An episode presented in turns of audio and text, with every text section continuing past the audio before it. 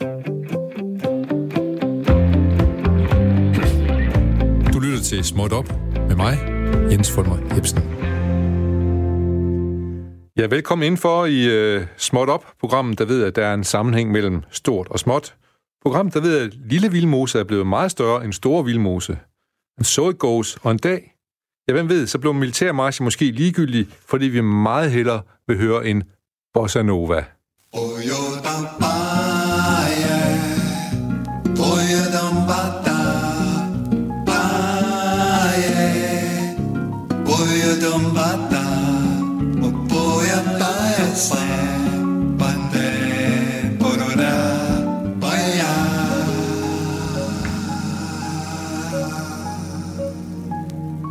Ja, velkommen igen til det, det småtteste af alle programmer i den magiske time her mellem 12 og 13 i Kongeriget Danmark.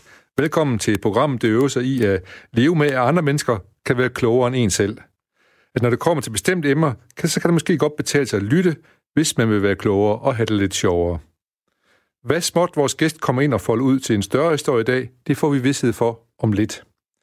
Men i mellemtiden, hvis du vil dele med verden, hvad du går og laver i timen mellem 12 og 13, så gør os klogere og lad os det vide. Vi bor på lille snabelag radio4.dk. Lille snabelag radio4.dk, hvis du laver noget sjovt øh, mellem 12 og 13 i dag. For vi interesserer os jo for, hvad i helvede en skal går rundt og gør i mellem 12 og 13 på en tirsdag. Småt op er i den sammenhæng selvfølgelig inspireret af Bo Lutzens revyklassiker fra 1970, der hed Hvad i helvede går de rundt og gør i banken efter tre. Vi opfordrer derfor danskerne selv til at fortælle, hvad de laver denne time på denne dag i dag. Og imens vi venter på jeres fakta, så tager vi fantasien i anvendelse. Vi forestiller os en tilfældig dansker lige nu. Om lige nu mener vi lige nu og i denne time på denne dag i dette år. Et tidspunkt i historien, der aldrig, som i aldrig nogensinde kommer tilbage. Om lidt er tiden nemlig bullet videre. Men lige nu tager omtalte dansker måske en drastisk beslutning. Det forestiller vi os i hvert fald. Hun er 13 år. Hun har lige fået information om mødetider til konfirmationsforberedelsen. Hendes kristendomlærer har lige sagt til hende, til klassen, nu er det deres tur til at blive voksne. Og mens han del, det gjorde mens han delte beskeden ud til alle eleverne, undtagen til Mohammed og Rikisha. Jeg mener det helt sikkert godt. Da hun kommer hjem, så tager den 13-årige tøjet ud af tørretumbleren og lægger det sammen, tager mad ud af fryseren til familiens aftensmad og tømmer så skraldespanden. Hun går også hen med tomme flasker. Hun får lov at beholde pengene fra pant. Det er hendes ugepenge. Da hjemme igen kigger hun på sædlen, hun fik i skolen. Der står, hvor mange gudstjenester de skal gå til, før de kan blive konfirmeret. Nu skal hun til at være voksen. Det har hans lærer selv sagt. Hendes far har også sagt noget lignende, det det talte om, at hun skulle konfirmeres. Hendes mor har også sagt det, en dag mormor var på besøg, og den havde smilet og sagt det samme. Nu skal du snart til at være voksen, sagde de.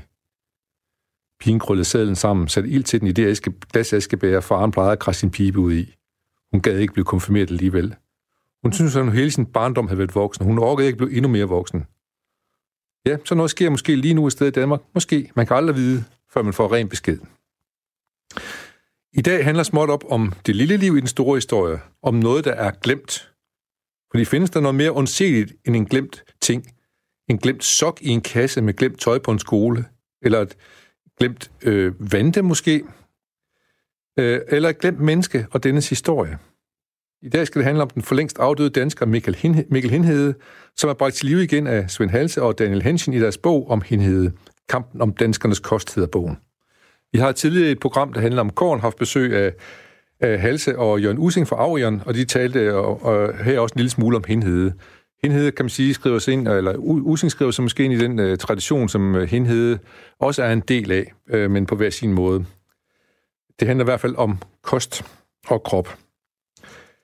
Øhm, jeg skal sige velkommen igen, Svend Hals. Tak fordi du kom, fordi vi blev slet ikke færdige med at snakke om henhed, da vi, da vi havde besøg sidst. Nej, men tak fordi jeg måtte komme. Ja, fordi der er mange ting i stadigvæk den her bog, som interesserer mig rigtig meget, som jeg tænker, vi alle sammen kan blive meget klogere at høre på. Mm. Og jeg skal lige præsentere dig. Du er øh, øh lektor, du er for, øh, tysk og kunsthistorie. Nej, Nej. jeg er tysk og dansk Tysk faktisk, og dansk, ja. ja. Men øh, har beskæftiget mig bredt med tysk kulturhistorie i gennem min universitetskarriere. Det er rigtig kommunikation, det er det, ja. lektor for kommunikation, ja. ja. Sprog og kultur og litteratur har været mit område indtil øh, for kort tid siden, hvor jeg gik på pension. Ja. Og fik tid til at gøre tingene færdige. Nå, det er sådan, det, det foregår. Det, men, ja. man, man, lægger vel aldrig, man lægger det vel ikke fra sig selv, man stopper, vel? Det kan man ikke gøre, nej, for nej. der er jo interesse for det, man laver. Ja. plus, øh, ja, den har jeg jo så lige uvist her, det, ja. derfor er jeg glad for, at du har tid til det. Men du er også, du er også det, der hedder Emiratus, det vil sige, at du har faktisk adgang til at være på universitetet stadigvæk. Ja, ja. ja. jeg har en aftale med universitetet om, at jeg kan bruge faciliteterne ja. og mailingsystemet og biblioteker og alle de ting, ja. som man har glæde af som forsker. Så, det, og det, netop, jeg vil gerne starte med det der forskerinstinkt. Fordi henhed, han, som jeg sagde, han er jo noget glemt. Han, han var en undsenlig del af historien. Jeg har i hvert fald aldrig hørt om ham, da jeg voksede op. Det er nu ved en år siden, jeg startede med at vokse op. Ja. øh, hvordan øh, hvordan har, har du genfundet sammen med, med, med hvad hedder han, øh, Michael Henschel, har, har du... Øh, øh, Henschen, ja. ja.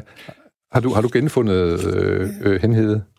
Ja, det, det er måske en historie med flere øh, kilder, kan man sige, det der løber sammen øh, i min øh, i karriere og i mit liv i det hele taget. Altså min interesse for øh, sundhed og for alternative øh, behandlingsformer har øh, været øh, vågen i, lige siden min ungdom. Øh, og øh, jeg har også haft nogle erfaringer omkring øh, måder at at forholde sig til sygdommen på, som var nogle andre end dem, som lægerne anbefalede. ja. ja. Øh, så har jeg som øh, kulturhistorisk forsker beskæftiget mig med perioden omkring 1900, som er sådan en meget bevæget tid med enormt mange bevægelser i gang. Og da jeg opdagede, at der også var en meget stærk sundhedsbevægelse på det tidspunkt, så blev du så, så var det for, for det første nyt for mig, fordi jeg i studiet kun havde hørt om fantasiekle og dekadence og dødsdrift og ja. alle de ting, ja. øh, som man hører om, når man øh, læser litteratur fra omkring århundredeskiftet. Men at der var en bred folkelig sundhedskultur og også en del øh, øh, litterære og kunstneriske øh, udtryk for den sundhedskultur. Så, så tænkte jeg, at det var noget, der kunne øh, ligesom øh, forenes med min interesse for, øh, for det... Øh, for det ernæringsmæssige, det kropsmæssige, det sundhedsmæssige. Ja, så der, der blev det personlige og det faglige, de mødte lige hinanden der. Ja, og, faktisk uh, slog det lige klik der. Ja. Og så skete der det i starten af 2000 og, øh, 4, tror jeg det var, blev inviteret med i et forskningsprojekt, øh, der skulle hedde Det Daglige Brød. Og det var på mit øh, daværende arbejdsplads på Syddansk Universitet.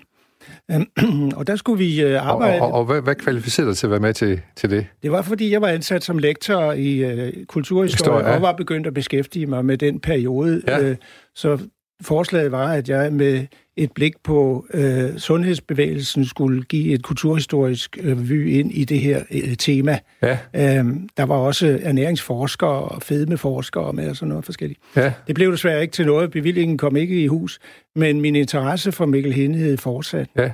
Og øh, på den måde øh, fik jeg sådan som en sideløbende hobby, kan man sige, øh, samlet nogle materialer sammen øh, om ham, fordi jeg gik med sådan en tanke om, at øh, på et tidspunkt ville jeg da nok skrive noget om ham.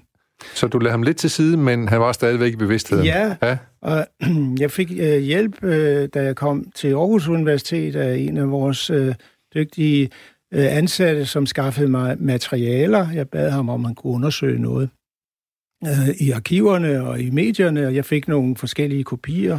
Og sidenhen fik jeg også flere øh, materialer, da jeg begyndte at arbejde sammen med Daniel Hensen, som var historiker, historiker ja, og meget ja. dygtig øh, arkivmand, øh, og havde forstand på, hvordan man for alvor gik i dybden. Med... Ja, fordi det forestiller mig, det er jo en stor del af detektivarbejde omkring det her. Det er jo, man, øh, man forstår at gå i arkiv og alt muligt andet. Kan du, ja. kan du lige prøve at fortælle, hvordan man som forsker bruger arkiver og sådan noget? For det, ja. det, det ved vi jo ikke så meget om, at, hvad det er for en detektivarbejde, der foregår. Det, øh, denne her bog bygger på mange forskellige øh, arkivformer. En stor del af det er øh, det kongelige biblioteks øh, materialesamlinger, hvor øh, offentligt aktive mennesker indgiver deres øh, efterladenskaber, eller også gør deres familie det, og så bliver det arkiveret under vedkommendes navn. Og øh, vi mente jo også, Daniel og jeg, at der måtte ligge noget på det kongelige bibliotek. Øh, og Daniel lavede en forspørgsel, og det viste sig så, at det gjorde der ikke. Øh, men nogle øh, få dage efter, så kom der alligevel en henvendelse derfra. Jo, forresten, man havde fundet 18 kasser, men de var arkiveret under et forkert stavet navn. Så, så de var sådan set døde i arkivmæssig forstand. Ikke? Så, og på den måde var henhed jo sådan set glemt Ja, ja i, hvert fald, øh, i hvert fald med de materialer der. Ja. Altså, der har tidligere været skrevet om ham i aviser, og der har en erindringsbog øh, og så videre øh, af folk, der har kendt ham på hans 100-års fødselsdag, blev der udgivet en bog men sådan forskningsbaseret øh, med arkivmaterialer, og vi har jo selvfølgelig også været i avisarkiver, øh, og de, de nu digitaliserede arkiver. Men det, men, men det bemærkelsesværdigt, synes jeg, at hvis ikke du har haft interesse for alternativ øh, behandling af sygdomme og sådan noget, så er de kasser sikkert stået derovre endnu. Det kunne godt tænkes, ja. ja det kunne godt tænkes. Men der har så, fordi kort tid for inden at vi gik i gang, var der en uh, forsker fra Øh, København, øh, Svend øh, Skafte Overgaard, der havde skrevet en phd afhandling om henhed som øh, overgangsfigur i, øh, i, i, i kost- øh, og ernæringsforskningen. Men uden at have haft adgang til de 18 kasser? Ja, han havde så ikke de der 18 kasser, hvor vi fandt breve og øh, avisudklip, skrabbøger og alt muligt, som, han, som henhed selv havde skaffet, og som i vid udstrækning indgår i denne her bog. Ja, klart. Men det må jo have været en guldgruppe der. Det var, det var ja. nærmest øh, juleaften uden for juleaftens tid. Kan det man sige, kan man godt sige. Altså, da jeg sad med Mikkel Hindheds uh, ungdomskærestebrev til kæresten Marie derovre i Lem, uh, og, hvor han fortæller om, hvordan hun skal uh, sørge for at spise ordentligt og gøre sig uh, fit for, uh, ja, gøre sig uh, kropsligt sund ved ja. at foretage nogle øvelser. Så, uh, så ah, det her, det var altså lige det, jeg havde brug for, det, ikke? For ja. at få det personlige det, det ja, er meget personligt. Et billede af hende også, ikke? Ja, ja.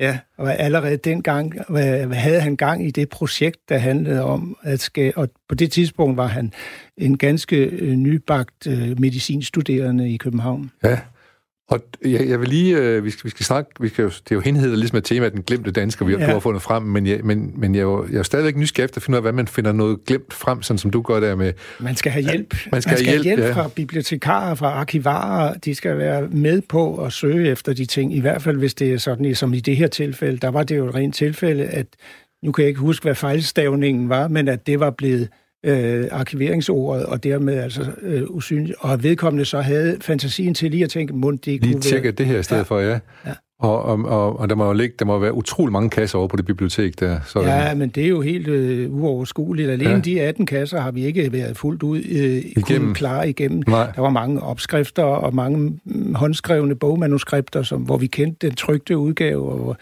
det var ikke lige vores mission. Nej. Men det, de breve, det, for eksempel de, den internationale brevveksling med alle mulige forskere, som øh, han trak, øh, som han øh, dels formidlede sine egne forskningsresultater til, og dels også hørte, hvad har I fundet ud af? Ja. Øh, det var jo dybt interessant. Var, var, var der andre sådan, jeg ved ikke, man kan jo ikke kalde det øjreka, men var der andre sådan gaver undervejs, at man, jeg går ud fra, når ja. man forsker, så, så har man jo en, man er på en mission, og man er, og man er, man er, man er rationel og alt muligt andet. Ja. Men nogle gange så er det så også tilfælde, som hjælper en på vej. Ja. Så det er sådan en blanding af tilfælde. Og, det er tilfælde, og, og, og, og, og så og, øh, efterhånden, så man får så meget indblik i stoffet, at man kan koble tingene sammen. Ja. Og sige, oh, det her, det skyldes jo faktisk noget, som man har fra et helt andet sted. Ikke? Ja. Så man får et mere samlet billede af en person og hans øh, holdninger til tingene. Øh, jeg var jeg meget ude efter, og det har vi begge to været, at vise hende som en internationalt forankret person. Ja. Ikke? Ja. Øh, med, med stort gennemslag i udlandet, men hvordan påviser man øh, og eksemplificerer man det internationale gennemslag, øh, som han faktisk havde.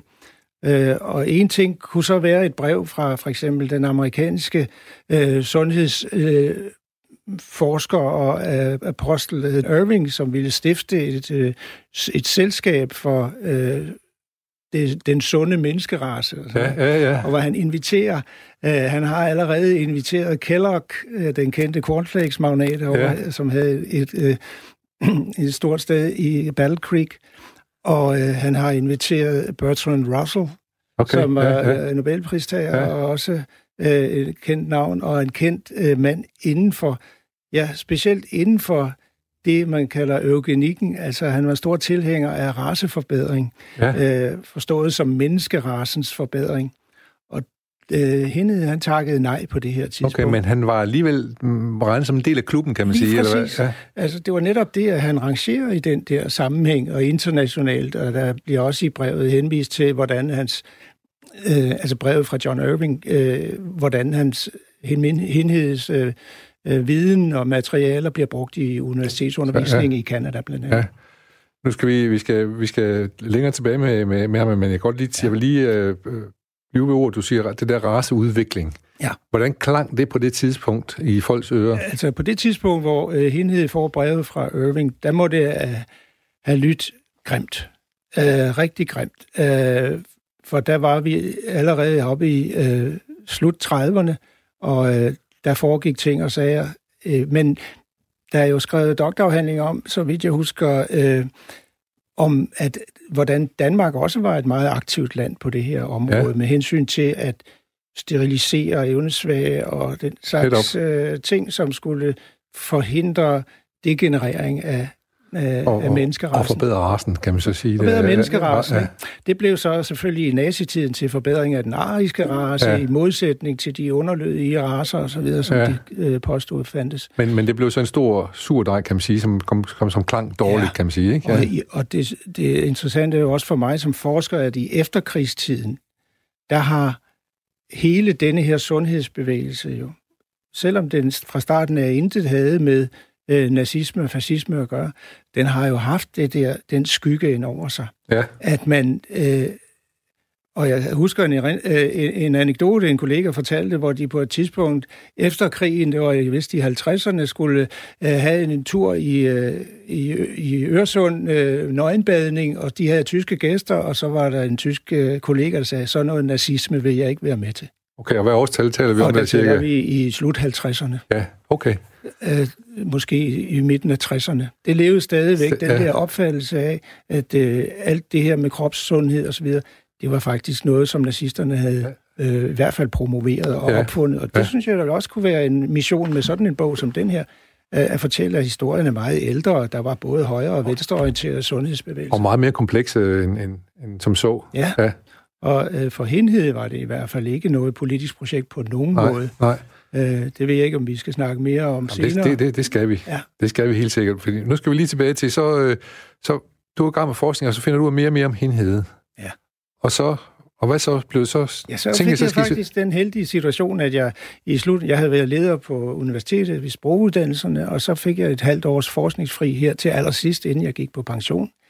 Øh, det var noget, jeg sådan havde sparet sammen, og samtidig havde jeg sparet sammen til, at jeg kunne få en forskningsassistent, øh, eller få konverteret mine over, overtimer til, til en forskningsassistent.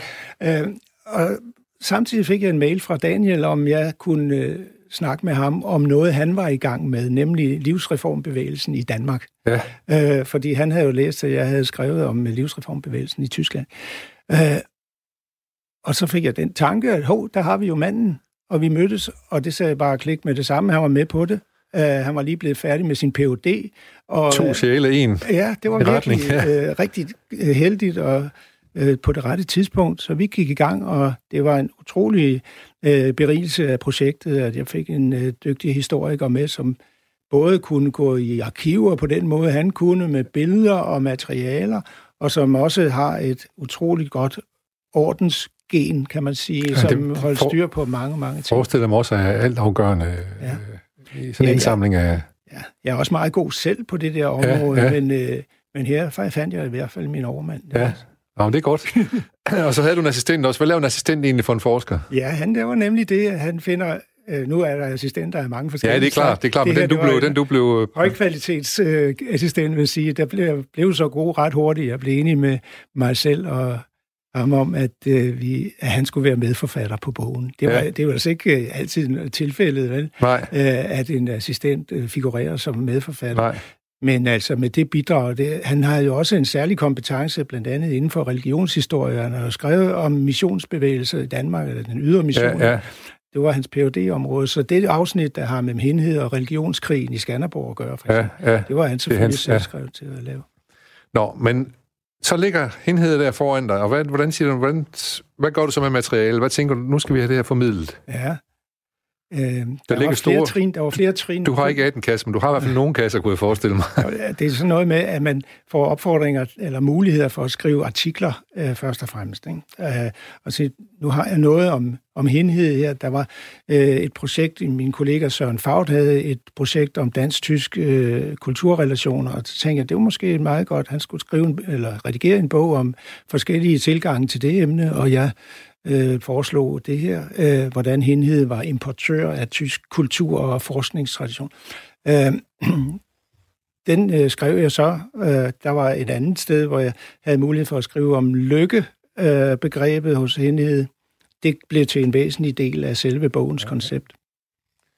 Så øh, det er sådan de så første det er skridt, skridt for skridt. Og så pludselig så sagde jeg til mig selv, øh, at jeg synes, jeg havde nok egentlig viden og materialer til at begynde at skrive selve bogen. Ja. Og så laver man jo simpelthen sådan en mindmap, det gør jeg i hvert ja. fald, at se, hvad for nogle kapitler kunne der være i sådan en bog, øh, og folder det ud, og så pludselig så har man en helt øh, træ foran sig med mange grene og med meget materiale, øh, der kan sættes på de grene. Og så struktur og sådan noget også, man begynder at sætte på det formodentlig, ikke? Så kommer ja, der struktur ja. på det, og så kommer der også den sammenhængende fortælling. Ja. Altså, det har jeg bestræbt mig på, at der er en, en, nogle røde tråde, ja. øh, som går igennem fortællingen. Lad os lige begynde på, Hvornår, hvilken periode dækker Henhed? Han er jo sådan fra, fra 1800-tallet. Han er født i 1862, 60, ja. og han bliver uddannet som læge i 80'erne. Ja. Og han begynder som sygehus, først øh, et par år som praktiserende læge. Det er ikke den store succes. Han vil ikke skrive så mange øh, recepter, som folk egentlig gerne vil have med hjem. Så, øh, men så får han et stilling i Skanderborg som øh, ledende sygehuslæge i 92, 91. Ja. Og øh, der er han i 18 år. Og det er en vigtig tid for ham, fordi det er en tid, hvor han får mulighed for at afprøve forskellige tiltag med hensyn til kost og, ja, og behandling. Ja, han er jo lidt en forskertype, ikke? Altså, jo, det er han helt ja. klart. Han er en forskertype, og han, øh, eksperimenter, han har jo øh, kendskab til, hvad der foregår i udlandet, også allerede på det her tidspunkt. Og med familien laver han forsøg. De sidder med deres vægte, øh, små vægte på middagsbordet og vejer, hvor meget de spiser af det ene og det andet, ja. Øh, for at finde ud af, om, øh, om de får den rigtige øh, sammensætning af deres ernæring. Den ene sønnerne, øh, Christian, han var ret tidligt øh, overbevist vegetar. Øh, det har selvfølgelig også været nødvendigt at finde ud af, for at han nu øh, de rigtige ting. ting ja, ja. Men det giver også basis for, det giver basis for, at han kan øh, skrive en bog i 1906, der hedder En reform af vores ernæring. Ja, og, og hvad er ligesom hovedgrebet i den, kan man sige? Hans hovedkonklusionen. Ja. Er det noget, han bytter, no, han bytter rundt på nogle ja. kost... Øh, han, kender, han, er, han, han er jo opfinder af, af kostpyramiden, eller ja. øh, madpyramiden, som vi kender ja. fra brusen. Den figurerer jo allerede i hans øh, økonomiske kogebog øh, fra 1907. Ja øh, hvor han øh, har sådan en meget tidstypisk vision om, hvad der skal ske i det kommende århundrede. Altså det, det der århundrede øh, øh, vende, øh, vendepunkt, ikke? hvor man kigger tilbage og kigger frem. Han kigger tilbage på et århundrede, der var præget af øh, for meget kødmad, for meget hvidt mel, for meget sukker, for meget fedt. Og så har han en anden Øh, pyramide, der viser, hvordan skal det være, og den ligner så brusens temmelig meget, ikke? Ja. Øh, med, med øh, de sunde fuldkornsprodukter og grøntsager og frugt op i tom. Og kød rangerer noget nedad, Kød, det bliver selvfølgelig sat... Øh, altså, det var hele hans, kan man sige, den første røde tråd, røde tråd han fik etableret i sine øh, aktiviteter, det var øh, mistilliden til den øh, kødfetichering, som der fandt sted i tiden omkring 1900, hvor det var et statussymbol at kunne servere kød hver dag, øh, og helst oksekød. Og det var for det første utrolig belastende for de øh, mindre bemidlede øh, husholdningsøkonomier, fordi man brugte jo over halvdelen af sin indkomst på mad dengang. Ikke? Så øh, hvis man så skulle have kød hver dag, så var det jo endnu værre. Øh, men så sidder han og laver forsøg med sin egen familie om at ja, spise lidt mindre kød og, og, af, og mere, man behøver ikke så meget. Mere korn og mere, flere grøntsager. Og, ja. Fordi på, allerede faktisk som studerende fik han jo at vide fra professorerne, at uh, man skulle have de der, og den tyske norm siger 118 gram protein om dagen, og ja. det halve skulle være animalsk, det skulle ja. være kødprotein. Ja. Uh, Og det fik han slet ikke, fordi den for kost, han kendte hjemmefra, han kom fra Ringkøbing egnen, øh, han var søn af en bondemand, og han kendte landarbejdernes daglige kost og bøndernes daglige kost, og det var jo grød og brød og kål, og så måske en skive flæsk om søndagen. Men slet ikke de øh, mængder, som der var tale om her. Nej, nej. Så han burde have været død for lang tid siden, som han skriver i sine erindringer.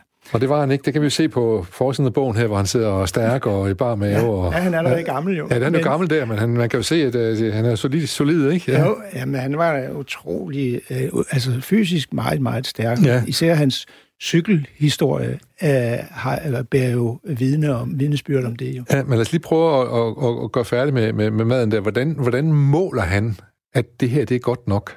Hvis han, har, der, hvis han har videnskabsmanden i sig, ja. så skal han jo måle og veje. Ja. Så han vejer, siger du, han har små vægte, hvad de spiser. Ja. Ja. Og, og så, så observerer han jo. Så observerer han. Han observerer sig selv og sine familiemedlemmer, at de sunde.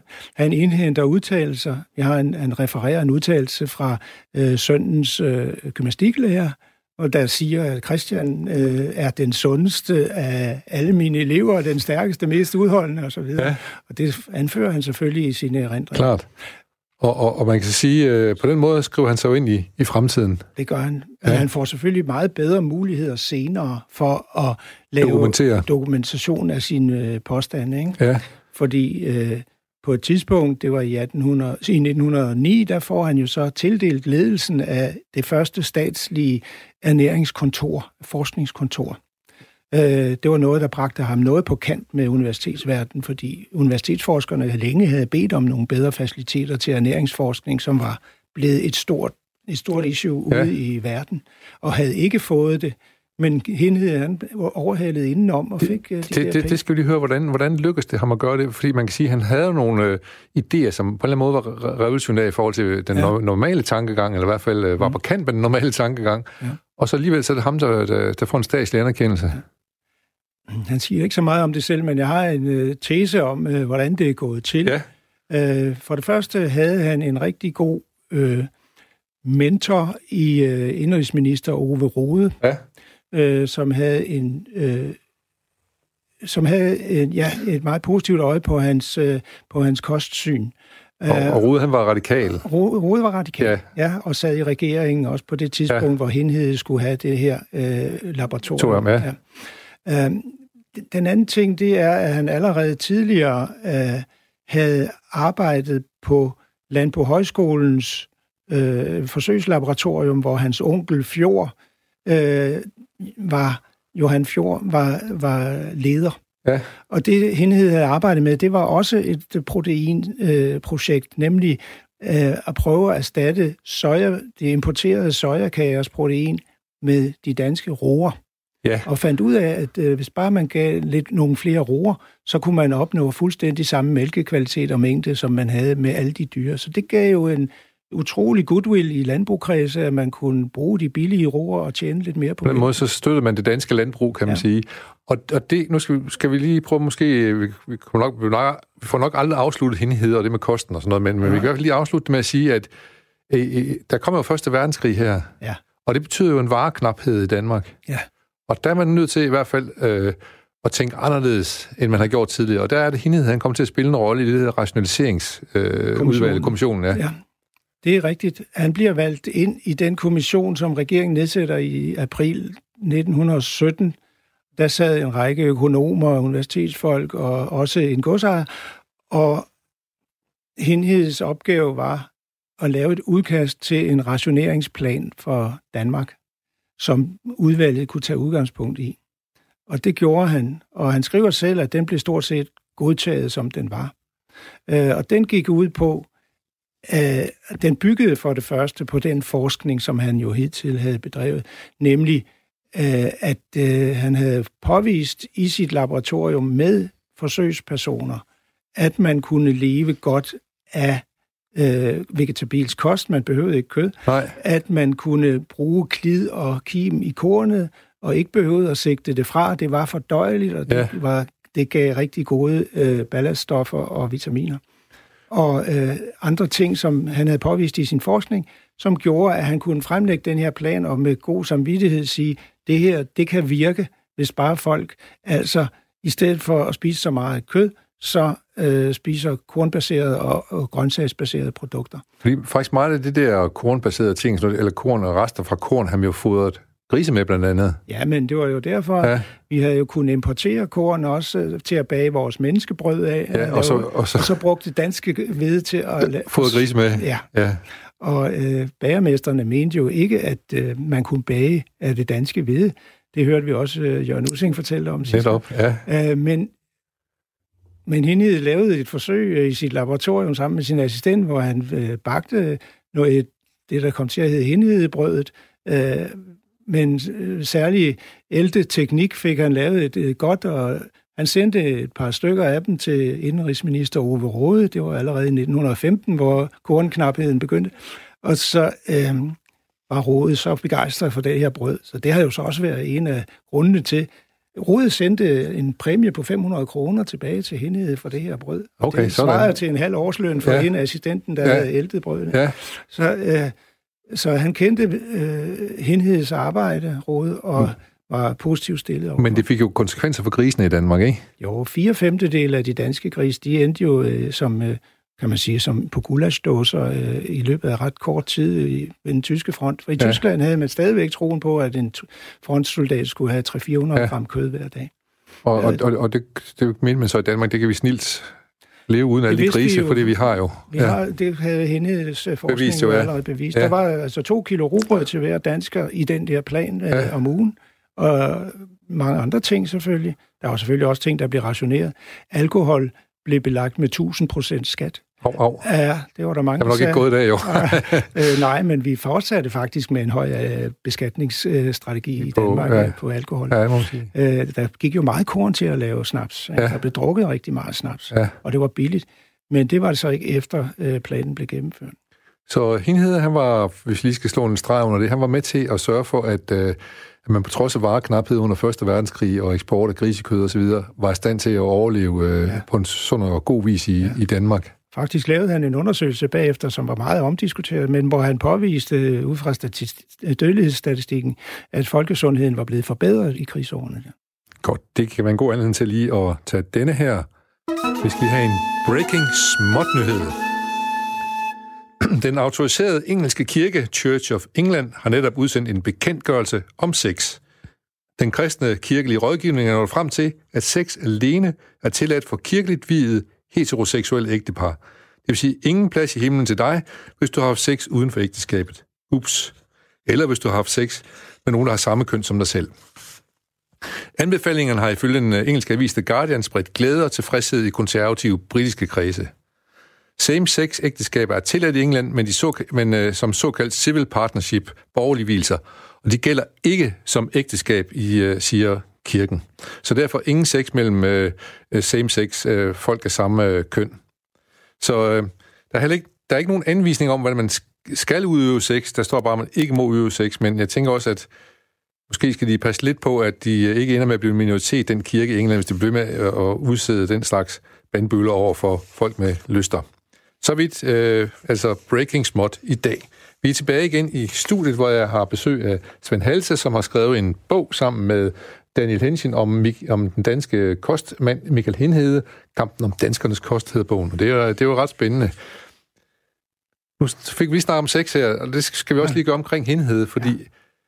Ja, vi kan måske begynde et andet sted. Lykke. Ja. Hvad er lykke for Henhede? Det er jo et stort begreb, som du også bruger i bogen. Ja. Jamen, Lykke er sådan set... Jeg har taget udgangspunkt i de sidste ord, han skriver i sine erindringer, som han skrev lige inden han døde. Øhm, og der siger han, at hans kamp har været for et øh, sundt og lykkeligt folk. Og den der kobling af sundhed og lykke øh, er gennemgående i hans øh, skriverier, eller i hans bøger. Han skriver meget tit om lykke, eller livslykke, øh, og det vi i dag vil kalde livskvalitet, mm-hmm. øh, igennem sundhed. Altså sundhed og lykke var for ham fuldstændig, det var to sider af den samme mønt. Og han anså faktisk øh, lykkefølelsen som et udslag af, at, øh, at kroppen fungerede rigtigt, at organerne var i balance med hinanden, og øh, det var det, der ligesom producerede den der øh, berusende fornemmelse, som man har, når ja. man føler sig lykkelig. Hvor, hvor var, øh, hvis vi nu har den, den, den sædvanlige diktomi der mellem krop og sjæl, hvor var, hvor var sjælen hen i alt det her så for ham? Ja, sjælen var jo Øh, eller hjernen, ja, eller altså, tanken? Han skældnede, eller? han skældnede ikke imellem Nej. de to. Han var jo ikke, han var ikke dualist på den måde der, fordi for ham, og det gælder jo bevægelsen i det hele taget, på den måde er han jo øh, barn af, af sin tid, at øh, kroppens øh, fysiske og øh, mentale side ikke opfattes som to øh, forskellige ting. Det gør, det gør vi selvfølgelig i en kristen tradition. Ja. Det har øh, skabt den der opsplitning imellem ånd og kød. Men øh, i den moderne bevægelse, som han var en del af, efter Darwin, hvor vi blev i højere grad set som biologiske væsener, som som avancerede dyr i blandt dyr, der øh, blev den der dikotomi mindre interessant i forståelsen af mennesket. Så øh, han opfatter kroppens velfungerende balance som direkte grundlag for øh, lykkefølelsen. Øh, og så polemiserer han imod dem, som mener, at det er lykken at drikke sig fuld, eller lykken at æde en masse mad, fordi den form for lykke, den går altså over og bliver til tømmermænd, eller ondt i maven bagefter. Ja. Men en varig lykke, den baserer sig for ham på en øh, velfungerende krop. Det, det lyder næsten som om, at han, at han ligesom advarer mod en fortabelse i følelser, og man også skal huske at have rationalet med. Ja, han er absolut som læge og som Så, der har han jo rationale, der ja. har han jo rationale. Han, ja. han er også øh, modstander af, af, øh, af de paroler og, og de slagord og de noget luftige øh, øh, forestillinger, som vegetarbevægelsen blandt andet står for i deres publikationer. Han tager afstand fra vegetarbevægelsen, dels fordi han ikke var vegetar, han kunne godt spise kød, men øh, også fordi at han synes, at der var ikke rigtig belæg for alt det der med øh, øh, for, for, ikke for alle deres påstande, som var måske en slags romantisering af, hvad altså, det var for meget, det var for meget føleri måske i virkeligheden. Ja. Altså den oprindelige vegetarbevægelse havde jo en forestilling om, at man kunne skabe fred gennem grøntsager. Ikke? Altså, ja. Mennesket blev mindre aggressivt, hvis det spiste øh, grøntsager i stedet for kød. Øh, det mente han jo selvfølgelig ikke, der var noget belæg, belæg for. Men han, men, man, vi, vi, jævnfører Hitler. ja, ja, jævnfører Hitler, ja. Og det må du lige forklare så... Øh, han, var, han var jo hvad, forklar, hvad Med Hitler i forhold til Hitler? Nå ja, fordi at uh, Hitler jo som bekendt var, var vegetar, vegetar nemlig, ja, ja. selvfølgelig også en af de mest aggressive, aggressive mennesker, vi har været ude for, ja, så det, det er da ikke nødvendigvis. Men så det var må, selvfølgelig ikke over på det tidspunkt, hvor uh, den tyske vegetarbevægelse startede, det var allerede tilbage ja, ja, ja. i 1860'erne. Der, der, var lige nogle, der var lige nogle ting, der justeres på der efter krigen, kunne ja, man så sige. Ja. ja. Øh, men men øh, altså, det handler meget om kroppen og så videre for ham, men, men jeg synes også, når man sidder og læser og kigger på billederne så var der også en anden askese til stede. Der, det, det virker som om, at, at i hvert fald sådan noget som sanselighed, det er ikke, uh, det er ikke hans spor. Ja. Altså det omfang, hvor sanselighed forbindes med mad, glæde eller øh, meget øh, stor, høj grad af kulinarisk øh, forfinelse og sådan noget, så var han ikke med ombord.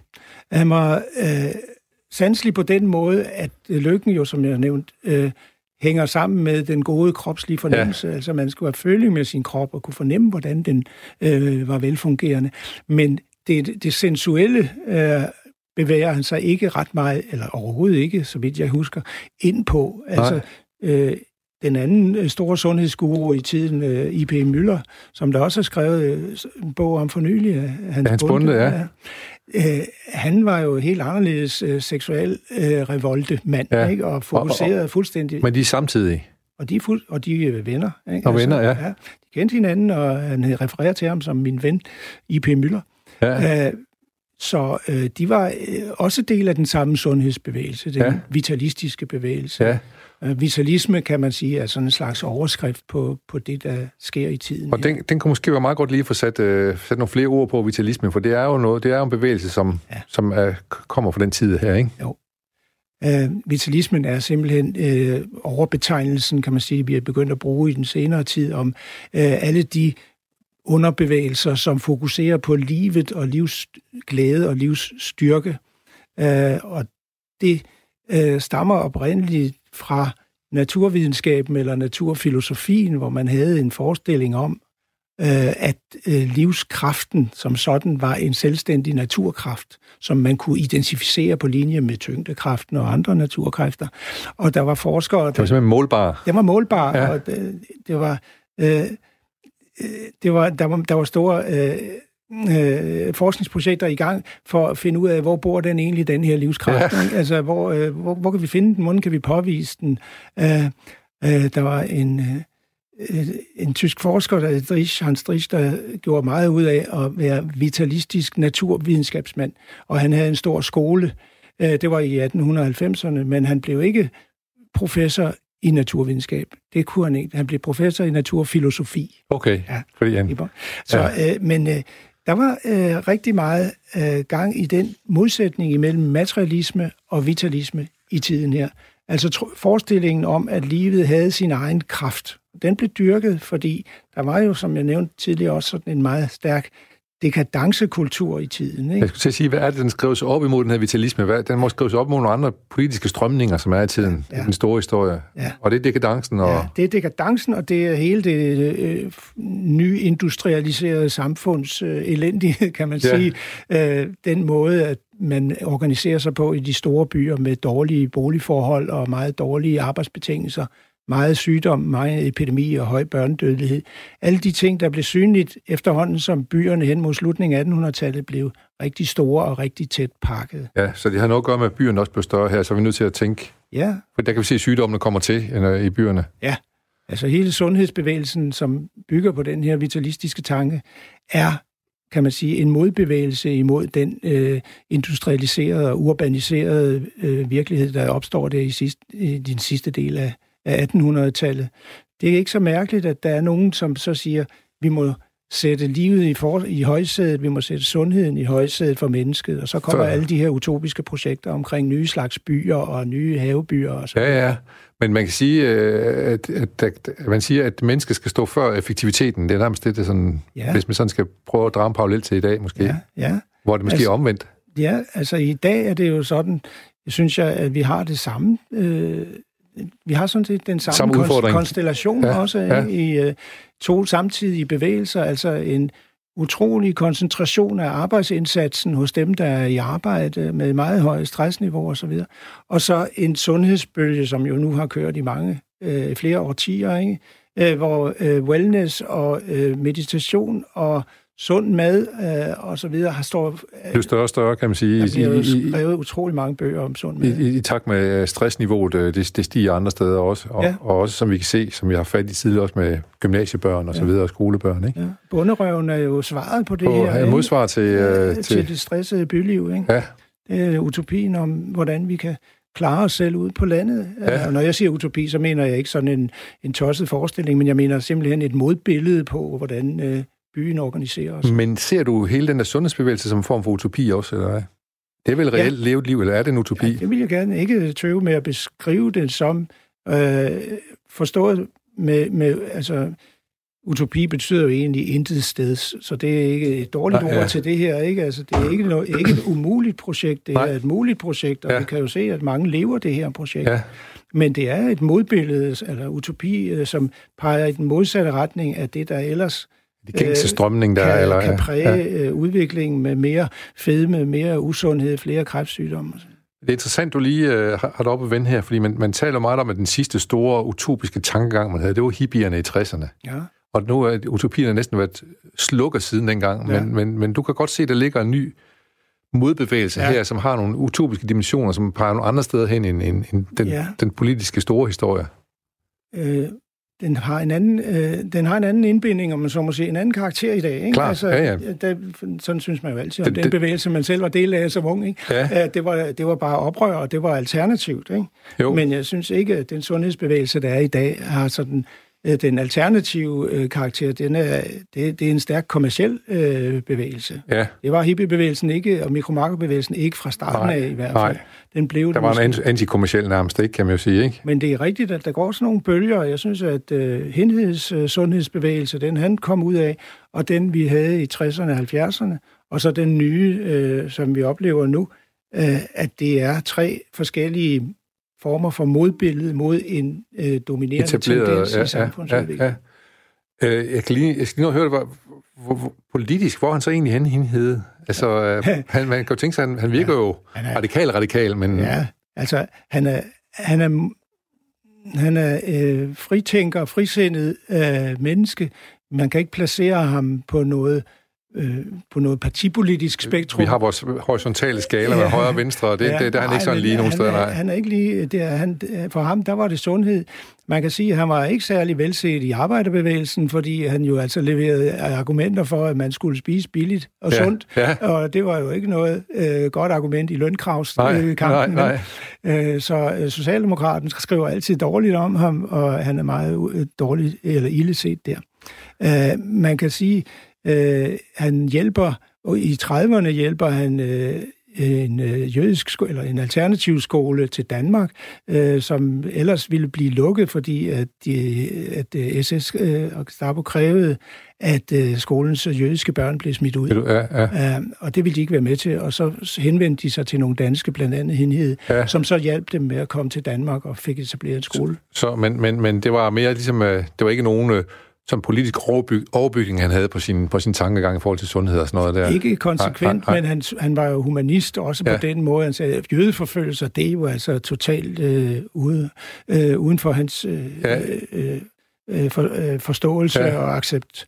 Øh, han havde en øh, fjern familiemedlem, der blev fjernet fra eller der blev øh, deporteret af nazisterne under krigen, øh, fordi han havde figureret på en gammel kommunistliste. Ja. Og han skriver så, øh, til den tyske kultur, jeg kan ikke lige huske hans titel, øh, hvorledes øh, han øh, mener, at det der med jødeforfølgelser, det skal de altså til at holde op med. Der findes mange gode jøder, skriver han, ja. og han henviser til Ernst Trier i vores højskolebevægelse. Øh, et eksempel på, synes jeg, at han, at han var både naiv, hvad angik det med det Ja, med det gud i hjertet, men naiv, kan ja. man så sige det. Ja. Og det samme med, med, med den her skole, de hjælper op, det var jo altså en meget kommunistisk skole, en meget øh, venstreorienteret skole. Ja. Men øh, det, han skriver om det, det er, de var vegetar, ja. og så var de øh, nogle meget engagerede mennesker, og det er det, han falder for. Og så, så skal vi lige meget kort lige berøre, at der er jo sådan trods alt en form for religiøs dimension i ham, ikke? Det er der i høj grad. Ja. Det er ikke noget, han gør noget nummer Nej. ud af. Men øh, i starten øh, af hans karriere, i starten af 1900-tallet, har han en lang disput med øh, kirkefolk øh, omkring, hvem der skulle have ret til at stille op til de menighedsråd, som man begyndte at etablere på det tidspunkt ja. her. Øh, og han ville gerne stille op, men øh, han var ikke det, som øh, øh Provsten kaldte tros enig med folkekirken. Nej, han, han var unitar, ikke? Altså, han, han, ja, han troede ikke på træenighed med... med, med... Ja. Han, han, han gik mere i den retning, og ja, blev også altså, tvunget ja, ja. over af den debat her. Ikke? Og okay. så blev han lokalformand for unitarerne, som var en okay. del af folkekirken på det ja, tidspunkt, ja, ja, ja. men senere blev lukket ud. Og unitarerne går altså øh, i hvad kan man sige, i rette med, med en del af, af de kristne dogmer, øh, og, og blandt andet det om treenigheden, ja. altså øh, øh, faderen, sønnen og helligånden, ja. øh, at det ikke er en, en trehed, men en, en enhed. Øh, sådan nogle ting kunne man jo strides meget om, og kan man stride ja. så meget om i en kristen kirke. Og det er ikke det, der fylder mest, når vi skal læse den her bog om henhed, synes jeg. Jeg synes, der er en ting, Nej. som, som, øh, som jeg godt, i hvert fald godt kunne tænke mig, at vi i hvert fald lige fik noget at tale om, nemlig at, at hans internationalisme, altså hans, det kommer jo ikke af ingenting. Det er ikke noget, der er kommet op af jorden i, i Ringkøbing, hvor han nu kommer fra et eller andet sted. Det, det kommer sted fra de ting, han tror på og bygger videre på, ikke? Jo, altså det er klart, der er en tilsvarende bevægelse og nogle tilsvarende forskningsinteresser ude i det store udland. Øh, og øh, på det tidspunkt, hvor han skal have tildelt det her laboratorium i 1909, der er han ikke så trænet i laboratoriearbejde, som øh, man egentlig kunne kræve. Nogle prøver at få miskrediteret ham som leder, fordi han ikke har det der. Så han tager på en stor jordomrejse, etablerer kontakter i Norge, i Tyskland, i Schweiz, i øh, USA og Kanada, og de kontakter bliver livslangt hans netværk. Han skriver, øh, han skriver masser af breve til udlandet, modtager masser af breve fra udlandet, og øh, på den måde har han øh, altså, øh, samarbejde og forsknings, han importerer forskningsresultater til at støtte for sine egne synspunkter. Ja, så han skriver sig ind i en stor international historie også med sit lokale udgangspunkt, kan man sige. Det gør han. Den, ja. en, altså, den der øh, livsreform og sundhedsbevægelse var slog igennem på alle fronter og internationalt. Vi, vi, øh, vi har slet ikke noget at fortælle om øh, de, øh, de, de store steder, han var ude at besøge i Tyskland og England og, og havehusene og så, hvad hedder det, havebyerne og sådan noget, som er en stor del af hende også, kan man jo sige. Men ja. Det kan være, jeg kan invitere dig igen en anden gang, så vi kan tage fat på de kapitler. Det er jo, det er jo vanvittigt spændende, nogle af de ting her. Man kan eventuelt købe bogen, jo. Ja, man kan købe bogen, men øh, det er altid rart at tale om det også, ja. og høre det fra, han har sagt, det er jo ikke hestens egen mund, men det er jo tæt på i hvert fald. Det var noget, den der tættest på enhed. Kuskens, egen, kuskens egen mund. Ja. ja, det er godt. Vi skal til at slutte for i dag, og vi er glade for, at vi har haft dig på besøg. Øh, Det er jeg også glad for at være ja. Tak for det. Svend Halse, og som har lavet bogen om Mikkel Henhede, kamp om danskernes kost, og det handler om meget mere end kost, skulle jeg lige helt til at sige. Han har skrevet sammen med Daniel Henshin, som er historiker. Vi skal tilbage til øh, virkeligheden. Vi har været helt tilbage til 1800-tallet, og øh, frem til midten af, jeg tror, Henhed han døde i 45 faktisk, ja. øh, og så har vi fortsat trukket nogle tråde op til i dag også. Så øh, nu er vi tilbage så småt til virkeligheden, efter vi har taget en afstikker bagud i tiden og blevet meget klogere og fundet ud af, at der faktisk også er en sammenhæng mellem fortid og nutid, ligesom der er en sammenhæng mellem den lille historie og den store historie. Og så er vi klar til, øh, at vi skal høre dagens nyheder, og jeg kan ikke forestille mig nogen bedre nyhedsoplæser end dem, vi har her på Radio 4 i hvert fald. Og jeg tror også, det er sikkert er nogle knaldgode nyheder, vi har i dag. Ha' en god dag.